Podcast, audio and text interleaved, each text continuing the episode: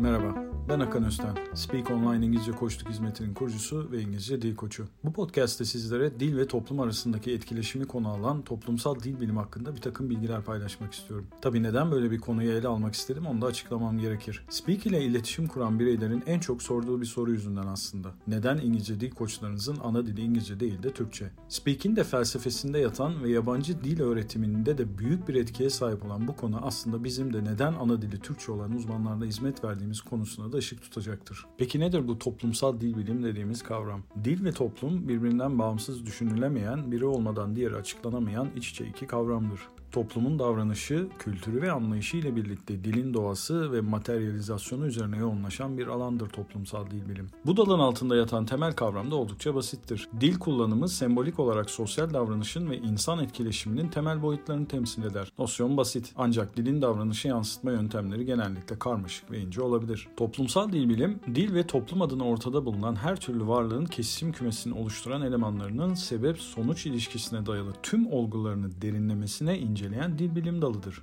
Bu noktada aklınıza şu soru gelebilir. Toplumsal dil bilim İngilizceyi ikinci bir dil olarak öğretmekle nasıl ilintili olabilir ki? İngilizce öğretmek için pedagojinin metodoloji ile birleşmesi İngilizce öğretmeninin ihtiyaç duyduğu en önemli nitelikler gibi görünebilir. Ancak araştırmalar gösteriyor ki bu denklem verimli bir İngilizce öğrenim için gerekli olan kriterlerin sadece iki tanesidir. Bu durumda toplumsal dil bilim kavramı işin içine giriyor. Yani verimli eğitim ve gelişim için gerekli olan her türlü kültürel kesişenlerimiz, ortak anlayış ve yaşayış biçimlerimiz. Dilin sosyal rolü göz önüne alındığında bir dil çalışmasının şeritlerinin dilin toplumdaki rolüne yoğunlaşması gerektiği gerçeğidir. Örneklemek gerekirse, toplumsal dil bilim anlayışının yabancı dil öğretimine dahil edilmesinin temel nedeni ana dili Türkçe olan öğrencilerin ikinci bir dille tanışmadan önce yaşamları boyunca öğretilmiş olan bir dizi kültürel değer değer farkındalığına sahip olmalarıdır. Yani alışkanlıklar, değerler, yargılar ve diğer tüm sosyokültürel kimliğimizin parçaları. Nitekim Türkçenin hakim olduğu davranış ve dil bilim değerlerine sahip bir bireyin ana dili İngilizce olan yabancı kültürden gelen bir eğitmenle anlaşmazlıklar ve tıkanmalar yaşaması muhtemeldir.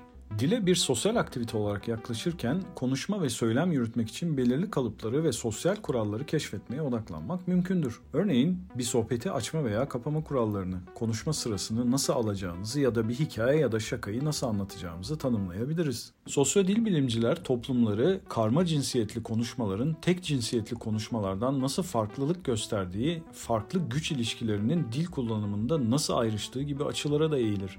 Dil ile ilgili bu soruları sosyal aktivite olarak cevaplamak için sosyologlar genellikle etnografik yöntemleri kullanırlar. Yani toplum üyelerinin davranışlarını ve tutumlarını açıklamak için bir topluluğun değerlerini ve bakış açılarını anlamaya çalışırlar. Örneğin Malezya'da İngilizce öğretmenlerinin öğretme ve öğrenme sürecinde kültür, sosyal eşitlik bilinci ve iletişimsel yeterlilik gibi toplumsal karakteristikler hakkında bilgi sahibi olmaları beklenmektedir ve bu doğrultuda eğitilirler. Bununla birlikte İngiliz kültüründe ebeveynlerin hem anne hem de baba tarafının erkek kardeşleri arasındaki ilişkiyi amca kelimesiyle tanımlayan tek bir terim vardır ve aile hiyerarşisi de buna göre dikkate alınır. Peki bizde bu durum nasıl? Amca ve dayı kavramları ve modelleri vardır. Eğitim modelinde örneklemek gerekirse öğretmen öğrenciyi yabancı dil olarak öğrenmede ya engelleyen ya da destekleyen dil işlevinin ortaya koyduğu farklılık kültürünü tanımalı ve anlatabilmelidir. Speak'in metodolojisi dil bilim alanındaki aksaklığa neden olan kültür farkını anlamak ve anlatmak felsefesi üzerine inşa edilmiştir. Bir dil sadece kelimeler ve bunların kullanım kurallarından oluşan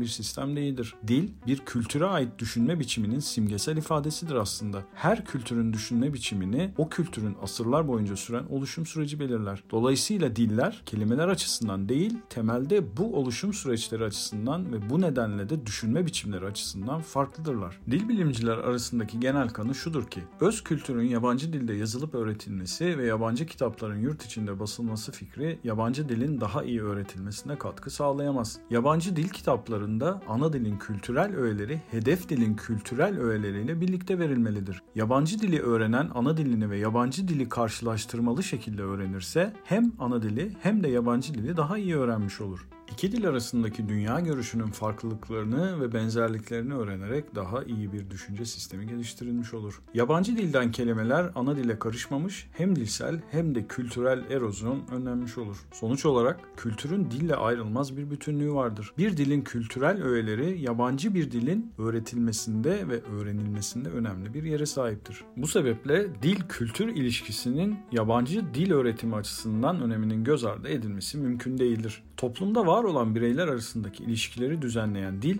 aynı zamanda bir devletin bünyesinde barındırdığı kurumlar ve uluslar arasındaki ilişkilerini de düzenler. Ulusun ve ulusların ortaya koyduğu kültürel ve tarihi miraslar ancak dil aracılığıyla yeni kuşaklara aktarılır. Dili önemli kılan bir diğer önemli faktör de tarihsel süreç içerisinde bilim, sanat, edebiyat, din, toplum, eğitim gibi kültürel öğelerinde kendi gelişimine paralel olarak bir gelişmişlik düzeyinde günümüze aktarmış olmasıdır. Günümüzde dilin önemi her geçen gün artmakta ve yabancı dil öğretimi için önemli çalışmalar yapılmaktadır. Şüphesiz eğitim politikalarında önemli bir yere sahiptir. Her ne kadar yabancı dil öğretimi için birçok girişim bulunsa da sonuç beklenenin çok altında olmaktadır. Yabancı dil öğretiminde birçok sorunla karşılaşılmaktadır. Günümüzde her alanda değişim çok hızlı gerçekleşmekte ve dil de bundan nasibini almaktadır. Bazı dil bilimciler yabancı dil öğretimi hakkında araştırma yapan bilim adamları ana dilin yozlaştığından ve bozulmaya başladığından yakınmaktadır. Bunun sebebi öğretilen yabancı dilin kültürel ögelerinin bireyler üzerinde önemli bir etkiye sahip olduğu düşüncesidir. Aslında sorunun sebebi öğrenilen hedef dilin kültürel ögeleri üzerindeki etkileri değil, ana dilin kendine özgü dilsel karakterinin normlarının ve en önemlisi öz kültürün öğretilememesidir. Öz kültürün ve ana dilin dilsel özelliklerinin öğretilememesi hedef dilin öğretilmesini güçleştirmektedir. Her ulus kendi dil,